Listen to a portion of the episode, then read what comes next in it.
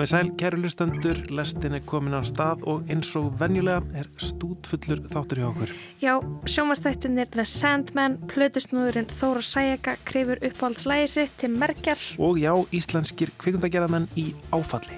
Það er eftir, eftir að finna fyrir sundur einn. Kanski færri verkefni sem fástyrki eða bara allir fá miklu, miklu minna. Hér er ekki bara ferðinni draumar í mannsmynd, heldur líka okkar verstu martræðir.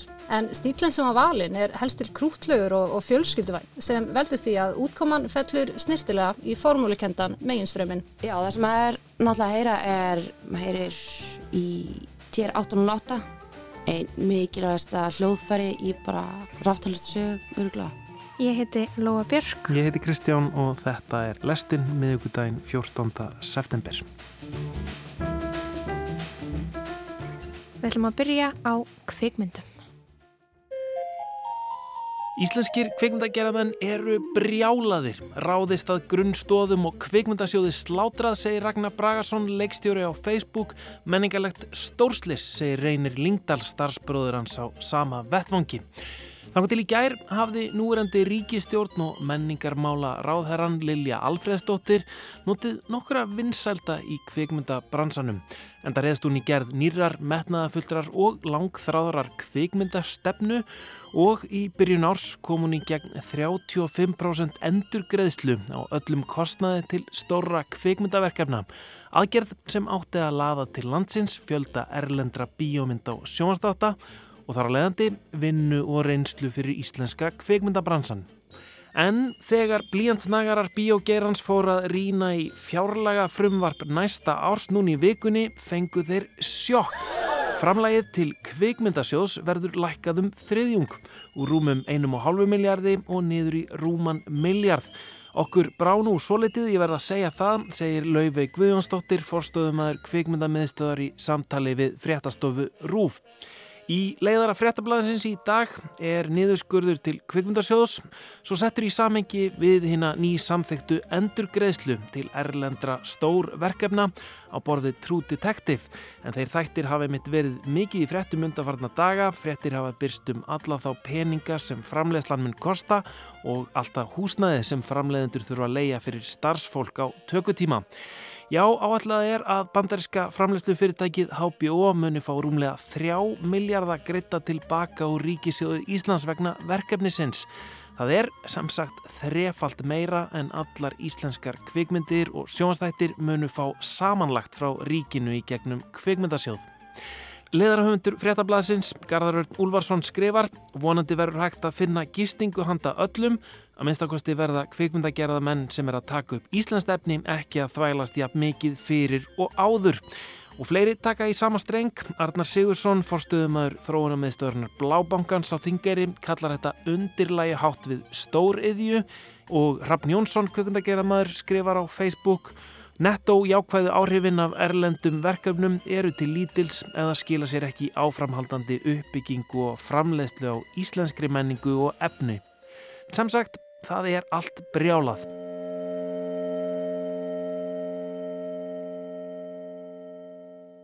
Til þess að ræða málinn eru þau komin hingað í lestina Hilmar Sigursson, frangatastjóri Sagafilm og Kristín Andrea Þorðardóttir, kvikmyndagerðarkona framleiðandi og einna skipuleikindum Skjaldborgar, heimildamynda háttíðarinnar. Hún er einmitt stött á heimili háttíðarinnar á Patreksfyrði.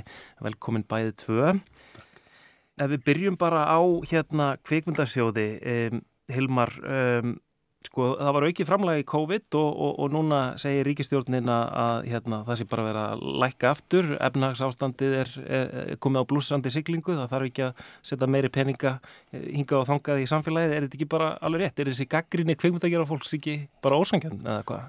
Nei, ég held að hún sé nú mjög sangjönd því að það sem að gerist er að hér er lögð fram og samþygt kvikmyndastefna sem að verist alveg hafa glemst þegar einhverji fór að fyrta í fjárlugunum Eh, þar kom fram meðal annars nýr sjónvarsjóður sem átt að vera um 400 miljónur ári og var sett í fyrra.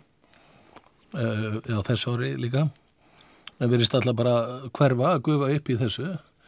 Framlögin út af COVID sérframlögin námu rúmum 100 miljónum þannig að ef að 400 miljón krónar frádráttur er út af COVID eins og okkur var sagt í ráðunetinu þá er það ansir hessilega ávöstun mm -hmm. hjá Ríkisjóði og reynlega bara rángar fórsendur, það er alveg, alveg ljóst.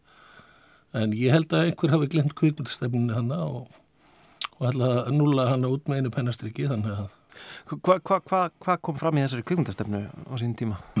Hún er nú ekki nema áskuðumul, hún er glæni og... Já hún tekur á, á öllu bæði, bæði sko listrann hlutagreinarinnar, framleyslu hlutanum, eblingugreinarinnar, sjálfsögðu mentun, uh, hérna kvikmyndakensla á háskólastígi allavega í er hlutafinni, uh, styrking og aukning á sjómas uh, var hann einni líka og margt, margt fleira og kildi til tíu ára, hún er sem sagt 2020 til 2030 og hún var samþitt í ríkistjórn Þannig að okkur finnst þetta bara mjög merkilegt að hún bara mhm. hverfið hana. Einmitt. Hérna, sko, já, framlögin í, í kvikmyndasjóði í, fyrra voru já, hátt í 1,5 uh, miljard uh, en er núna í kringum 1 miljard. Sko, Kristín Andrea, svona, fyrir, fyrir, fyrir fólk á, á gólfinu sem er að vinna kvikmyndagerð, uh, heldur, að, heldur að þú munir finna, finna fyrir þessum áhrifum, fólki í kringum þig, heldur þið finni fyrir áhrifum af þessu? Já, tímanlöst uh, undir eins í rauninni ef að þetta nær fram að ganga og hérna mér finnst alveg mjög sérstætt og verðt ver að taka fram að, að einmitt uh, eina megin ástæðan þess að þessi kvikmyndastöfna var sett fram var til að styrkja samkjöfnsstöðu greinarinnar uh, gagvart bara er alþjóðlegu samfélagi. Og það sem ég fagnaði svo mikið í þessari aukningu sem að var þegar komin fram var til að mynda uh, bara mikill og aukinn stuðningur við heimildamöndafæð og hérna mér fannst einhvern veginn loksins eins og núna uh, væru til dæmis íslenskar heimildamöndir farnar að vera daldið samkjöfnishævar gagvart uh, til dæmis norrænum heimildaverkanum Við erum að senda fulltrúa á Nordisk Panorama Fórum á hverju ári yfirleitt uh, tvö íslensk verkefni sem fá að koma þangað og pizza. Uh, þar eru statir uh, alla jafna bara kaupendur, dagskrafstjórar frá öllum norrænu stöðunum, einni öllum evrósku stöðunum, stærstu stöðunum, einni frá, frá Netflix og, og BBC og, og annað. Þannig að það eru gríðarlegar hérna, hagsmunir fyrir íslensk heimildaverkefni að fá að koma þanga og pizza og kannski standa uh, bara miklu betra víi með miklu meira fjármagn til þess að sína hvert á að fara með verkefni.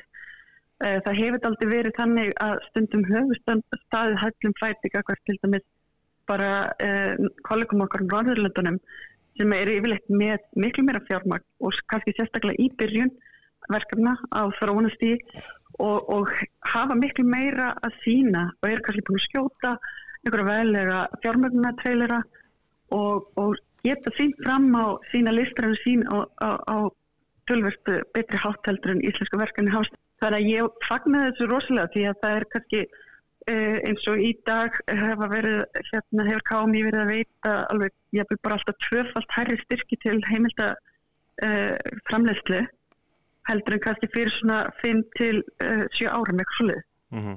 Þetta skiptir bara öllu máli og ég held að, að eh, bara fæði eitt eftir að finna fyrir sundur einn.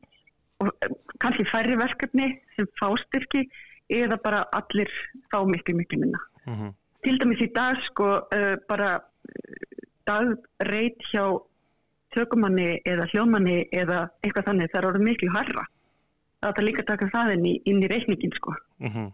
Þegar svona, veist, efnahagurinn er þannig að þá bara hækkar, hækkar reytin líka sko. Já, einmitt.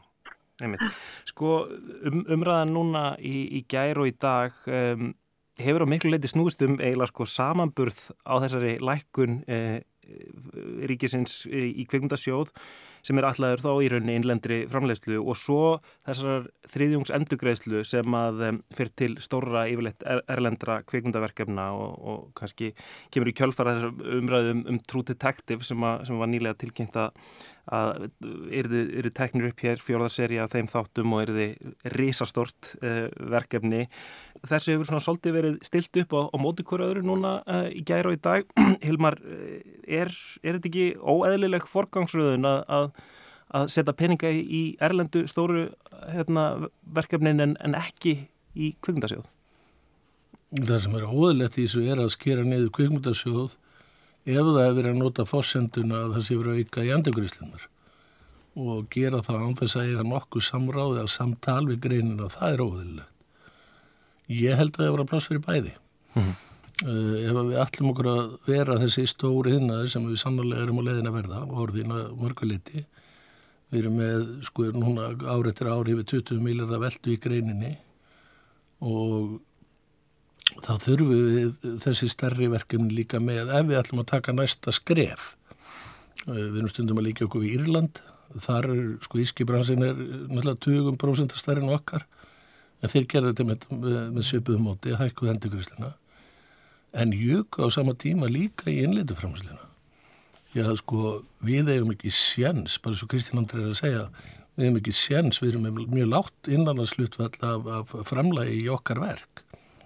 Og við hefum ekki séns í eh, sko evrósku verkefnin tala um ekki um norræna verkefnin án þess að vera með framlag. Og við þurfum líka átt okkur á þetta er náttúrulega menning til tungumál, við tölum íslensku. Og ég veit ekki betur en að við séum hæðast að mm -hmm. hún sé að gefa eftir. Þannig að plústaði verður náttúrulega mega landkynning En er eh, kannski Kristín, kannski þín hérna finnst þér eðlert að, að við séum að, að, að fólk sé að stilla þessu svona upp á móti hver öðru eða, eða eins og Hilmar segir kannski á þetta bara bæði, bæði rétt á sér eða kannski óhjákvæmilegt að stilla þessu upp á móti hver öðru hvernig blæsaði það við þér? Sko, mér finnst bara mjög mikilvægt að það sé hugsað um þægið sem eina heilt. Það er, það er gríðarlega uh, mikið af góðu og hæfu fagfólki í, öll, í öllum deltum sem við höfum yfir að búa. Og það að nýta þessa krafta ekki líka til þess að segja íslenskur sögur og bara spegla sko okkur sem þjóð í okkar sögum, lítil þjóð sem að á kannski smáendur að sækja út af erlendu eh, efni sem við erum stöðut að horfa á. Það er bara rosalega mikilvægt að okkar góða fagfólk sem að vinnur við þjónustu, þetta er náttúrulega þjónusta, að þjónusta sko svona erlend stórverkefni, að, að, að við hugsaum þetta ekki sem eina held að við erum jáfnframt að, að flexa þessa veðva í erlendum verkefnum og svo að segja íslenskar sögur það, það meikar ekkert sens að, hugsa þetta ekki bara sem eina held mm -hmm.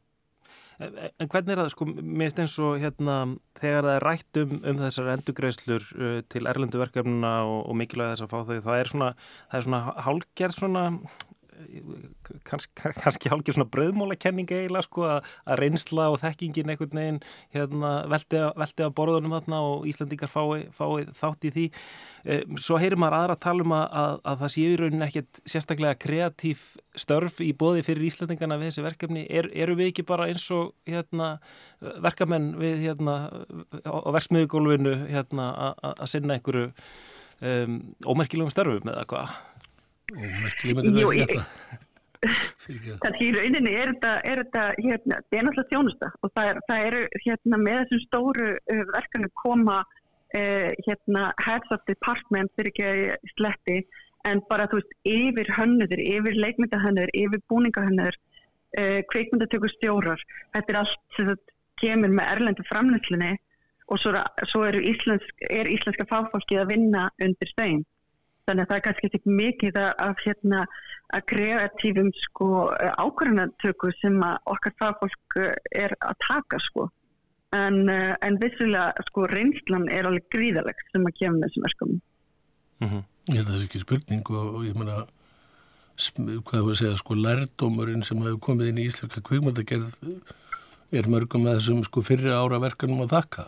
Það er þinn í svona framlýslu hlutan Já. Eh, eftir stendur náttúrulega að hvað sé, þessi skapandi hluti sem við gerum hérna innanlands og er náttúrulega mjög mikilvægur að hann hefur farið fram og er alltaf styrkjast og hann verður vest fyrir barðan og svona niðurskurði í kvöndasa en, en er það rétt skiljið á mér að, að þessi sko þriðjungs endugreisla af öllum kostnæði sem að stóru erlendu verkefnin, þau eru bundin við bara þetta séu risaverkefni þannig að þegar hérna þegar við gerum litla íslenska heimildamind Uh, kannski sem fær enga, enga styrki úr, úr, úr ríkisjóðu eða svo leiðis uh, þá, þá, þá er minni endurgreisla til, til þess verkefnis. 25% sko þröskuldarnir eru 350 miljonar velta 50 manns í kvikmyndatöku teimi eða í, sagt, í teimi það má vera eftirverðsleginni því líka. Og svo lámark 30 tökudagar í verkefninu þannig að Þannig að þetta, er, þetta þarf að vera tildulega stórt. Tildulega stórt, en Já. ég menna að íslenskar sjónvarstáttaraðir svona stærri gerðin að þeim rúmast innan þessa. Mm -hmm. Einhverja bíómyndir þessar dýrari. Þannig að myndi, þetta nýtist þeim líka sko. Já. En hérna náttúrulega þurfum að fara svona rísa verkefni. Og það annað sem gerist þar er að það tekur upp allar ísósun okkar. Fólk er alltaf eðlilega, myndi ég segja, flikkist í svona verkefni nýju manna stabilt verkefni er bara ekki til. Nei hjá þeim sem að vinna alla jafna svona frílans sem verktakar. Þannig að ég skil það líka.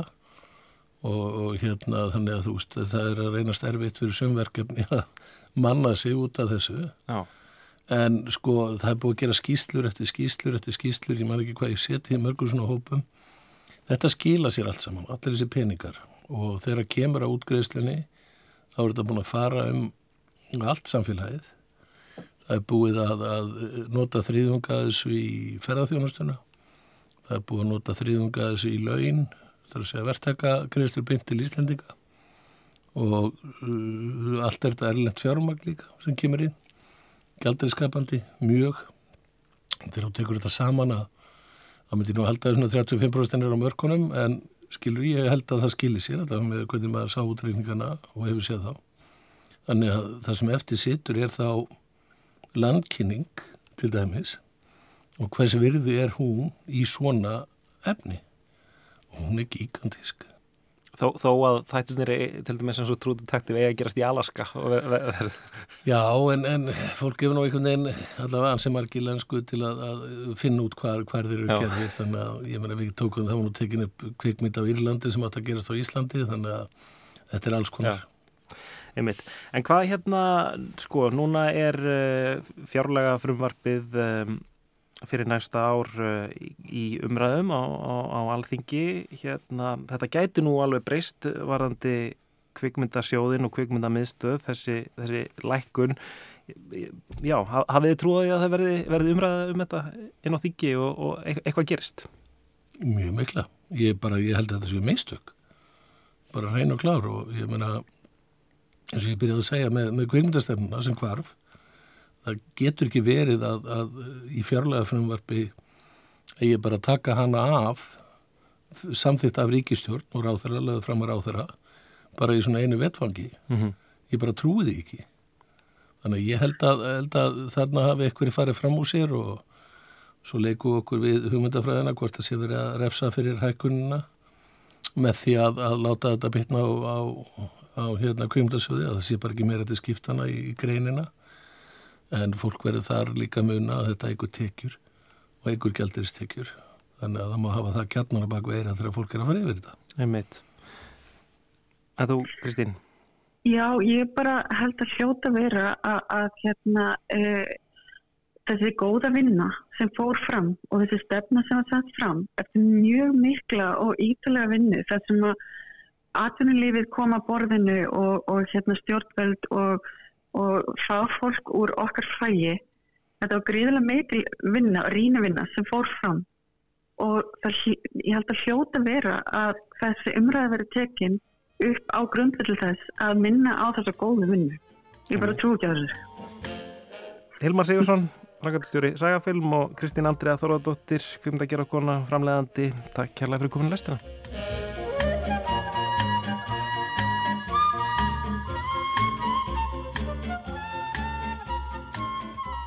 Já, þá voru Hilmar Sigursson og Kristín Andrea Þorðardóttir sem að rættu já, um, um drama í kvikmyndabransanum þessa dagana. Fólk mjög óanætt með niðurskurð til kvikmyndasjóðus eða, eða minni framlög ríkisins heldur en í fyrra þriðjungi minni framlög. Það er rosalega mikið. Það er mikið, hálfur miljardur en á sama tíma er mikið talað um þessar erlendu eða semst endugreislu til stóra erlendra verkefna og sérstaklega þetta True Detective verkefni þrýr miljardar sem að munu fara ríkisjóðið tilbaka um, til kvikmyndaframlegandana þannig að það er þrefalt meira heldur en mun koma um, til íslenskra framleganda í gegnum kvikmyndasjóð. Þannig að já, maður, maður sér á Facebookinu í dag að, að uh, íslenskir kvikmyndagerðamenn eru brjálaðir.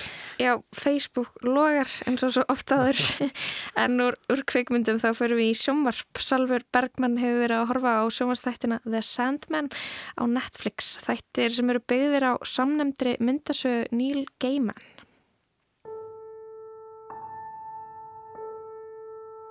Mr. Sandman Bring me a dream Make her the cutest that I've ever seen Nýlega kom út aðlögu Netflix á myndasögum Níls Gaiman, Sandman, sem fjallaðum fíguru sem gertmann hefur verið kölluð Óli Lókbrá á íslensku en ber hér nafnið Morpheus og er konungudraumana á tilveruplani sem hærist eitthvað staðar til hlýðar við okkar eigið. Myndasögurnar voru gríðarlega vinsalar meðal ungsfólks þegar þær kom út. Og skilgrindu að mörgu leiti vissan kema af tíunda áratögnum á sama tíma og þær veittu listforminu virðulegri sess en tekstaði áður. We begin.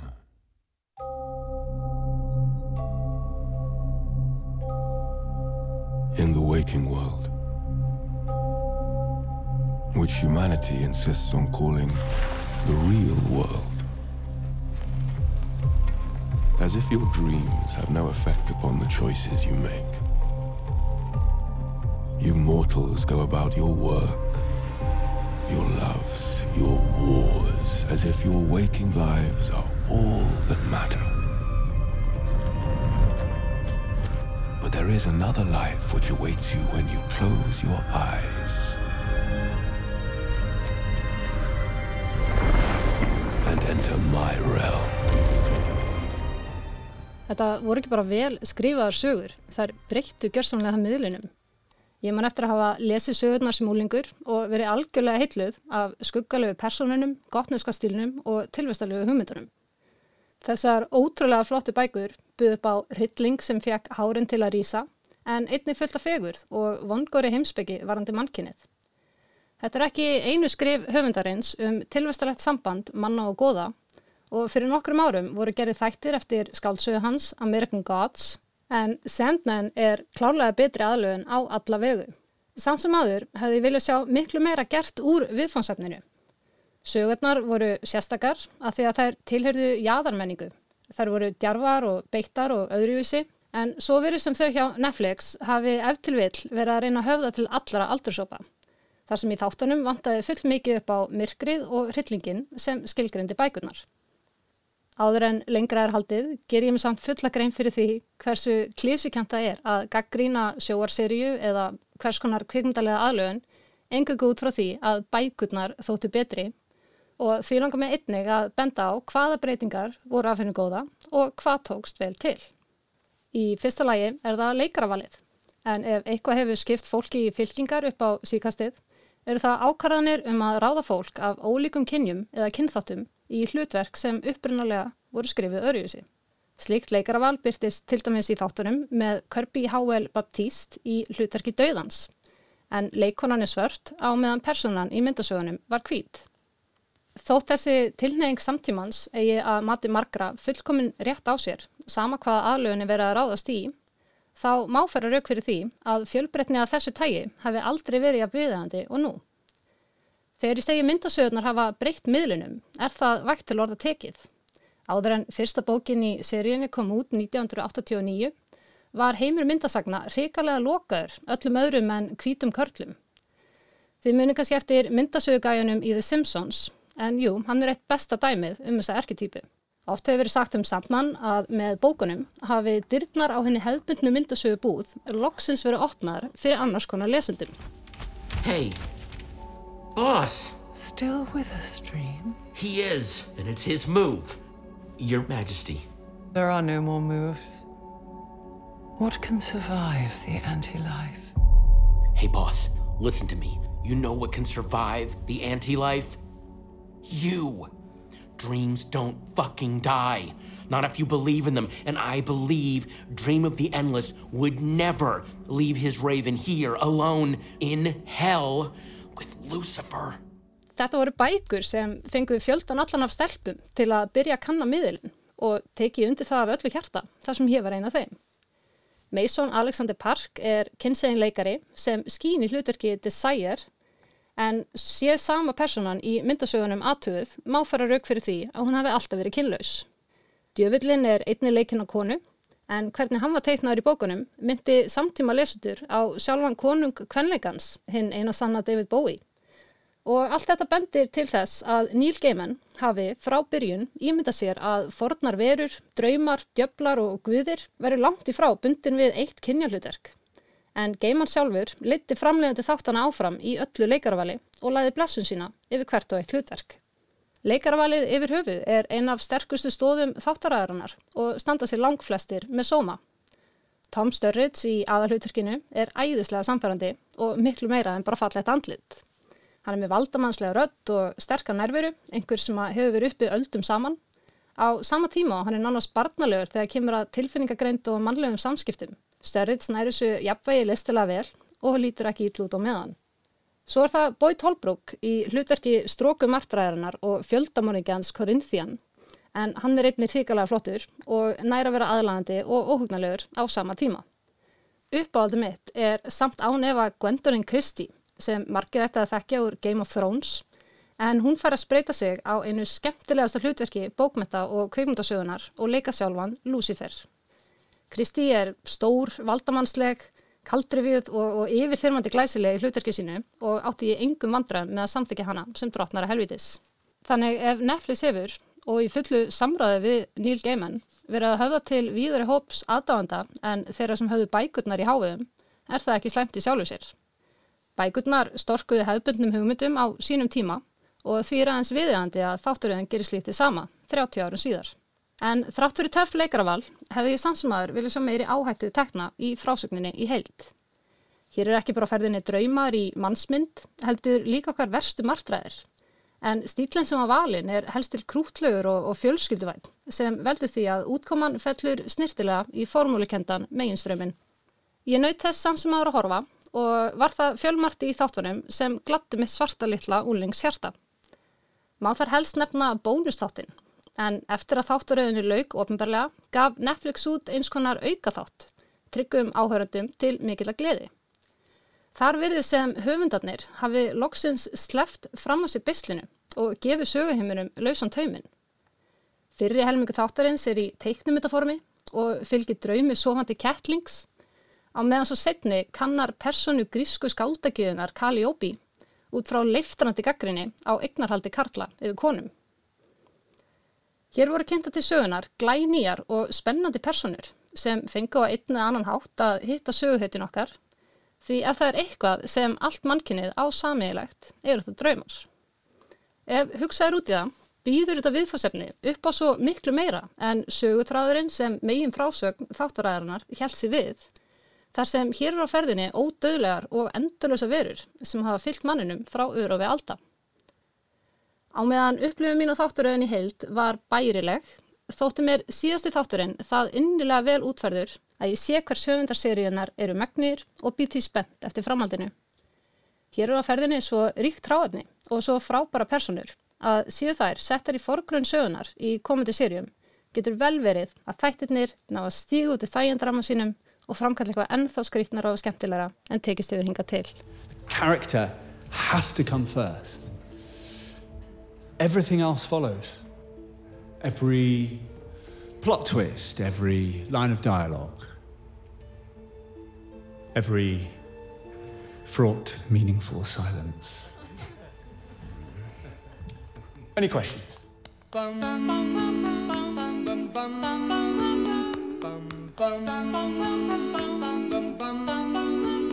Mr. Sandman, bring me a dream. Make him the cutest that I've ever seen. Give him into lips like roses and clover. Then tell him that his lonesome nights are over.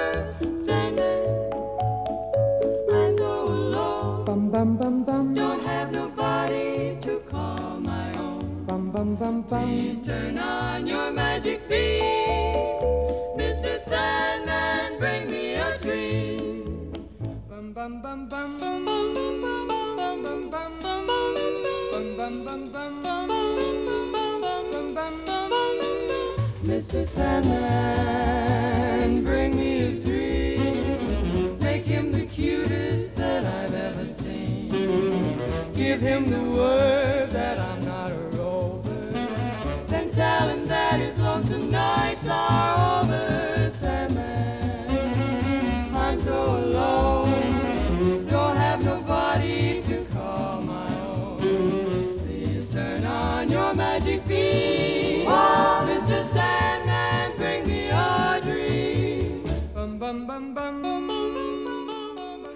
Hvaða lag er, er þetta, Kristján? Jú, þetta er lagið Mr. Sandman með The Cordettes. Þetta er lag sem að Salver Bergman baðum að hafa í lok pistilsins. Um, The Cordettes, þetta er stúlna kvartett frá bænum Shebogan í, í, í Wisconsin í bandaríkjunum lag sem kom út árið 1954 og fjallar um uh, The Sandman hérna Óla, Óla Lókbrá um, eins og sjónvastættirnir The Sandman á Netflix sem að Salur Bergman fjallaði um uh, þættir sem eru byggðir á samlendum myndasögum eftir Neil Gaiman. Hún var svona Já, hún naut þess að horfa, sagði hún, en hefði viljað sjá meiri áhættu tekna í frásögninni fannst stílinn svona helst til krútlegur og fjölskyldu væn sem veldur því að útkoman fellur snirtilega í formúlukendan megin ströminn þar sagði Salvar Bergman um sjónastættina The Sandman á Netflix. Heimitt, um, kannski meiri barnaþáttur heldur en fullarins þáttur. Allavega ekki jafn myrkur og, og hún hefði viljað. Svona, ég held að einmitt, að fjölskyldan geti hort saman, ég veit ekki samt með lítilbötn valla, svona Ok. það sem ég hef séð er ekki alveg. Ekki við hæfið barna. En ég meina ég á ekki bann þannig að ég, ég veit ekki hvað þeim er fyrir bestu. Nei. Um, En þá að allt öðru. Við ætlum að snúa okkur að tónlist. Fyrir tveimur vikum fengum við tvo plötusnúða. Þá Johnny Blaze og Hakka Breaks til að krifja til merkjar lag sem var í uppáldi á þeim. Og núna endur tökum við leikin en í þetta sinn er það plötusnúðurinn Þóra Sæjaka sem kemur í heimsókn. One, two, three, four.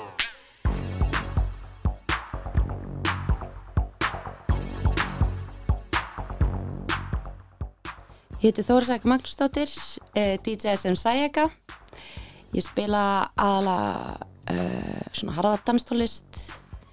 Erfitt að skilgreina kannski hvers konar stefnur þetta eru en helst elektró, tekno, transitót.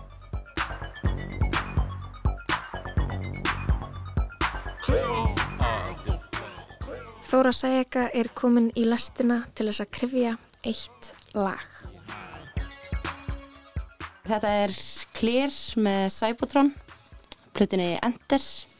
Þetta hafi bara svo mikil áhrif á mig þessi, eh, kannski þetta tíumbil.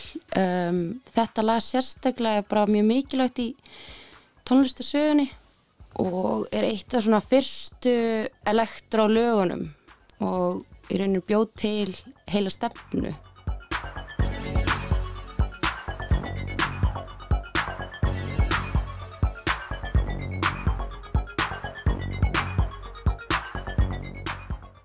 Hvernig heyrður þetta lag fyrst?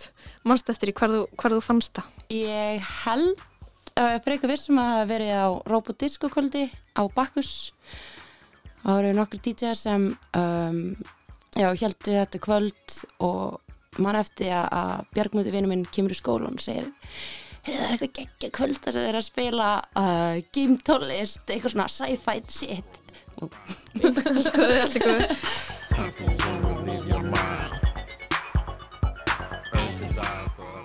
talaði bara rosa mikið til okkar. Ég hafði verið að hlusta mikið hip-hop í mentaskóla og svona einhvers konar raftónlist en svo var þetta bara eitthvað sem kallaði til manns og, og hefur ekki stoppað sko. Þú segir þetta lag sér svona eitt af fyrstu elektrólögunum. Síðan hvernig er þetta lag? Þetta er frá 1983. Þetta er fyrsta projekt sem Juan Atkins var í og en það var hljómsveit, það var maður, nei, Richard Davis kallaði þessi 3070. Þeir tengdu bara vel saman og þeim leið bara eins og það þau veist, þekkst mjög lengi og byrja að semja frá 1980 og gefa út þessa plötu og hætta samt saman 1985 og voru þetta aldrei ólíkir Richard Davis var miklu meira svona rock áhuga maður mikill Jimi Hendrix fan og langaði að vera Jimi Hendrix synþana mm. á með við hann um, Juan Atkins var fyrir miklu meiri áhrifum frá kraftverk og, og örgulega svona já, meiri ráftónlist og langaði að gera danstónlist Juan Atkins er talin vera einn af þremur fórsprökkum teknósins. Þegar samstarfi hans við Davis laug þá hófan sinn sóloferil og fór að gera tónlist sem markaði upphaf teknótónlistar. Það er það sem í rauninni aðskildi þá er að hann vildi búið til danstónlist á meðan Davis vildi gera eitthvað allt annað. One, two, three, four. Já, það sem maður er náttúrulega að heyra er, maður heyrir í TR 808, einn mikilvægasta hljóðfæri í bara ráftalistasögu, öruglega. En það verið að nota sömplinn og fáur náttúrulega sem geta eignast þessa græu. það hefur maður, já, bassatrámuna og uh, þetta krisp sner sem fólk svona, já, sækist mest í. Svo er bassalín það kannski sem er svona aðala lýsandi fyrir þetta lag og hefur verið mikið samplað í öðrum lögum. Um, og hafði öruglega, já, svolítið mikil áhrif á, já, margar tónlistastefnur eða svona mikrostefnur út frá út frá elektro, þú veist, Miami Bass og alls konar sem varð út frá þessu. Svo heyr maður í þessum lítsinða sem er svona rýsandi upp Lægið Clear með Cybertron er undir áhrifum frá læginu Hall of Mirrors með þýsku hljómsveitinni Kraftwerk. Lag sem kom út árið 1977, ekki samplað eins og Þóra sagði að væri algengur misklingur heldur einfallega undir miklum áhrifum.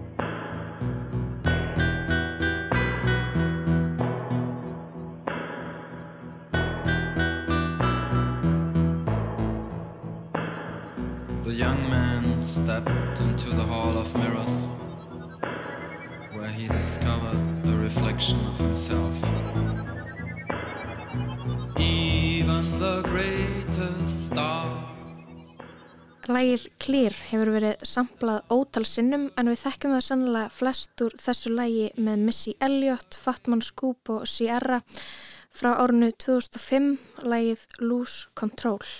Music make you lose control. Music make you lose control.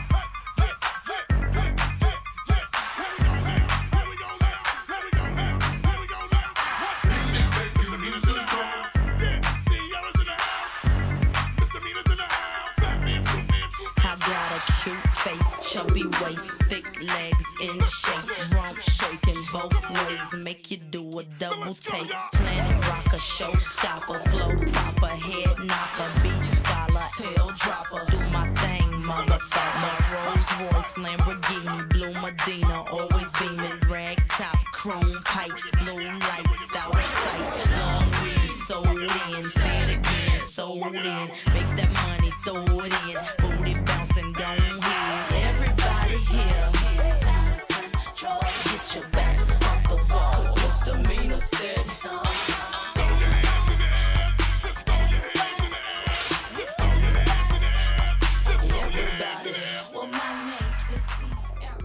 já, þetta er bara nákvæmlega eins. Já, kannski aðalega snerillin sem heyrist ekki jafn mjög að klapp í staðin En það er líka, ég held að um, það er klapp yfir snerlinum og okkur svona, þú veist, það er alls konar yfir, það er oft leirað á sama slægi.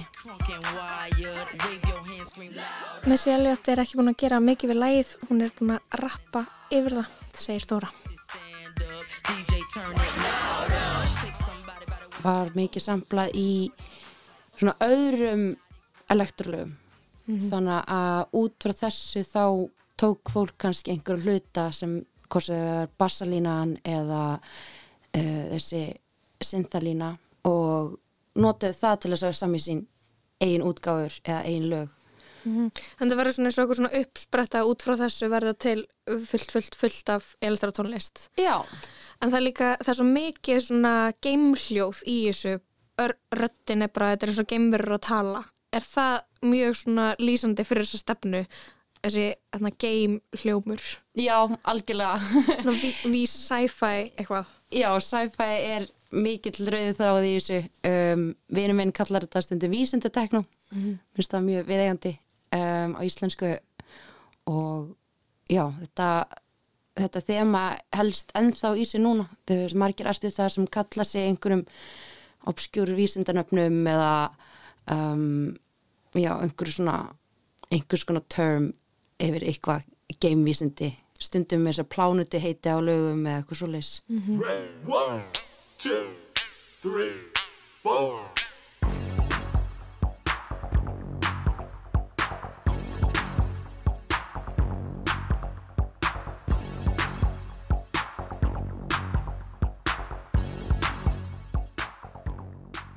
En talandi um geimin sem er stórt þema í elektrói, segðu mér aðeins frá þessum geimverulegu röddum sem að við heyrum í læginu.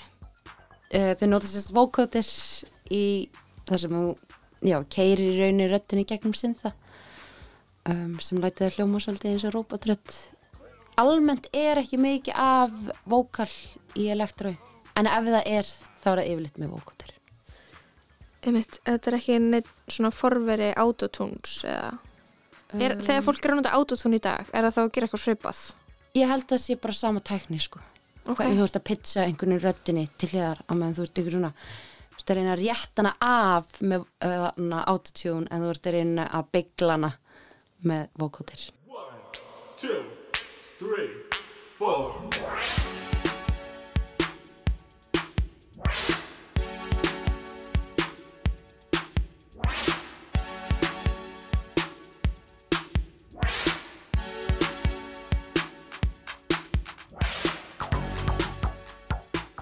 Þetta er remix af læginu Clear, það kemur út sama ár á sömu plötu og það er Jose Animal Díaz sem remixar.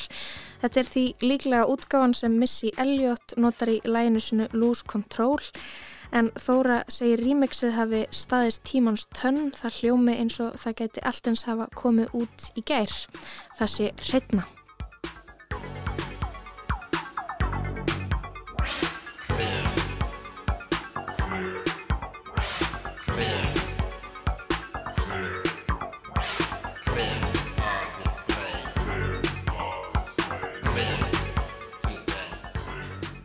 Herjá, þetta remix það endaði að sagt á Billboard topplista? Efstrætið var 52 eða eitthvað svoleiðis. Kannski eitt sem mér fannst alltaf áhört við að það enda á top black artist lista. Þannig að fyrir 40 árum þá voru ennþá að skilgreina tónlistinu sem sko pop tónlist og síðan black music.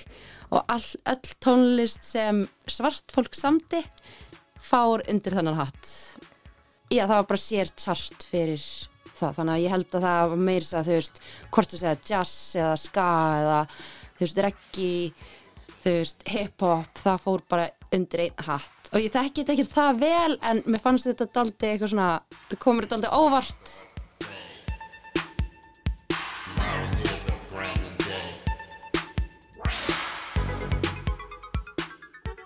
Til þess að passa að enginn hljómi eins og þú, til að passa að enginn hermi eftir þá brugðu tónlistamenn á það ráða segja engum hvað sinnþa eða hljóðgerla þeir notuðu, segir Þóra. Eða Já, hvernig er að þetta? það er ekkert mikið tala um það þú getur náttúrulega reynda einhvern veginn svona öruglega eflust einhverju nördar sem geta heyrst að svona megin kjarnin getur verið rosa líkur þannig að þú, þú ert að búa til þín eigin hljóð sjálfur með mikið að synþum uh, eins og modular synþar núna þá ertu að uh, þú byrjar á bylginni og sendir þær í einhverja eina rás yfir í anna og yfir ykkur envelóp og, og byggir upp hljóðin sjálfur. Þannig að það er kannski ekkert endilega mikilvægt hvaða hljóðfæri þú ert að spila á. Mm. það er meira hvernig þú nýtir það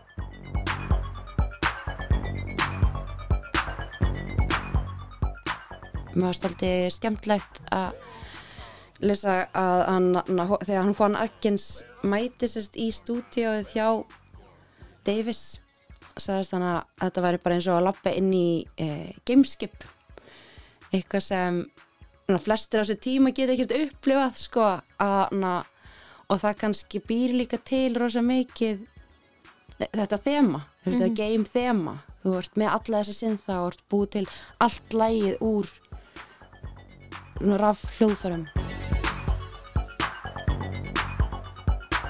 Uh, það er alltaf kannski ekkert einn kapli þetta er, þetta er ekkert eitthvað það fjölbreytt lag að maður hlusta á það í gegn uh, er doldi mikið um, svona endurtekninga samt endurtekning, um, en það er bara grúfið uh, þetta er á góðu tempói uh, kraftverk er yfirleitt talan vera guðfeður elektrosins en þeir spilu kannski aðeins hægari tónlist og ekki ja, alveg ja, svona uh, jú, mörglög sem eru mjög dansvæn en mikið sem það er kannski, maður kannski frekar að hlusta og sitja og njóta fara í annan heim.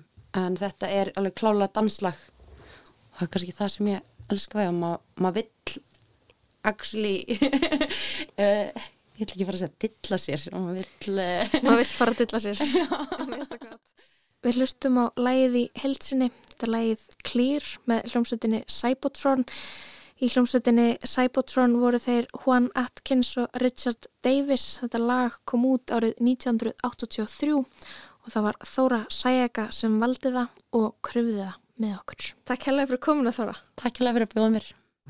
One, two, three, four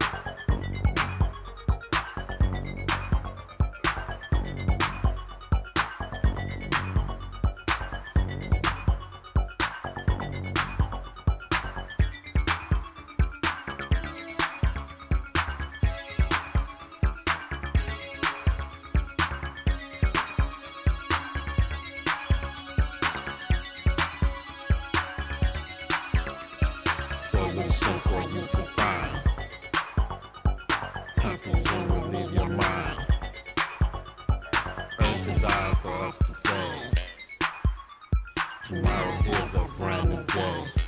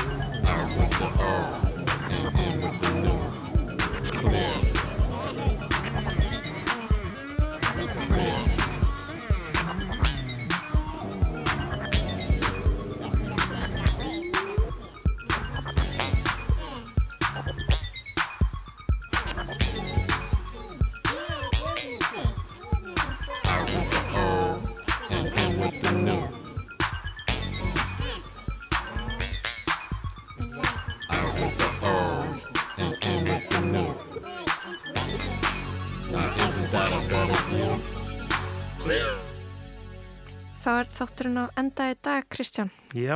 Við höfum farið miðan vell. Algjörlega, drama í íslenska kvikmyndabransanum sjónastættin er þetta Sandman og núna í lokinu var það Þóra Sæjaga Plutusnúður sem að e, kynnta okkur fyrir sinni upp, uppáhalds tónlist það var hérna dansvænt og gott Var þetta ekki skemmtilegt lag? Það mjög, mjög skemmtilegt Þetta var vel val í hjáni. Einmitt. Við höfum smá tíma í viðbót má ég, má ég koma óskalag, Lóa? Já, er þetta eitthvað nokkur ára gammalt indie? Já, það passar. Uh, lag frá 1988 Mér, ég er búin að vera svona að býða eftir hérna, augnablikinu til að spila þetta, við höfum ekki alveg haft tíma fyrir það. Þetta er lag sem heitir Indian Summer. Það hefur náttúrulega verið svona smá svona Indian Summer uh, núna allavega í Reykjavík og víðast hvar á landinu undan svona uh, viku Það... Indian Summer er aftur... Það er svona, hérna, hvað ég var að segja, svona gott, mjög gott tímabil, sól og þurrkur svona sem kemur yfirleitt svona á hausti þegar sumaði ætti að vera búið en það kemur svona smá auka sumar, bónussumar. En þetta var eina sumarið sem við fengum, þannig að hvernig er það þá auka sumar? Það er eiginlega ekki Já, auka sumar, já, einmitt. En allavega, þetta er hljónstinn Beat Happening, uh, lag frá 1988, lag sem heitir Indian Summer, um, við ljúkum þetta með því. Við verum hérna aftur á morgun á sama tíma. Tæknumæður lestarinnar var hún Letja Gretastóttir. Já, við Kristján og Lóa þakkum fyrir okkur í dag, verið sæl. Breakfast in cemetery, boy tasting wild cherry, touch girl apple blossom, just a boy playing possum. We'll come back for Indian summer. We'll come back for Indian summer. We'll come back for Indian summer. The separate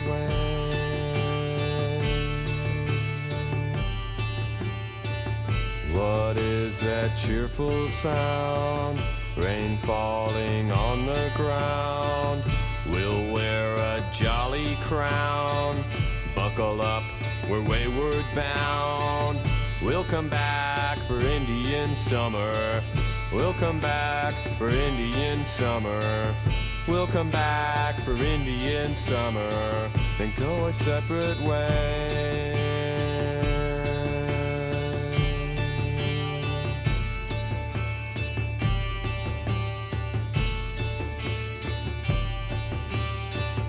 I touch your hem, you say. Let's stroll down Martin Way. Plums, abandoned farm. Who let norms come to harm? We'll come back for Indian summer. We'll come back for Indian summer. We'll come back for Indian summer, then go our separate ways. Cover me with rain, walk me down the lane. I'll drink from your drain. Will never change, no matter what they rain. We'll come back for Indian summer. We'll come back for Indian summer. We'll come back for Indian summer and go our separate ways.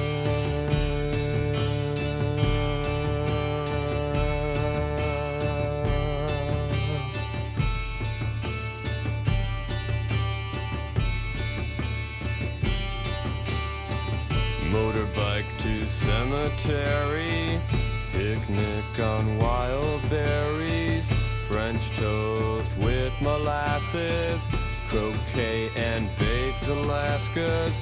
We'll come back for Indian summer. We'll come back for Indian summer. We'll come back for Indian summer. Cover me with rain.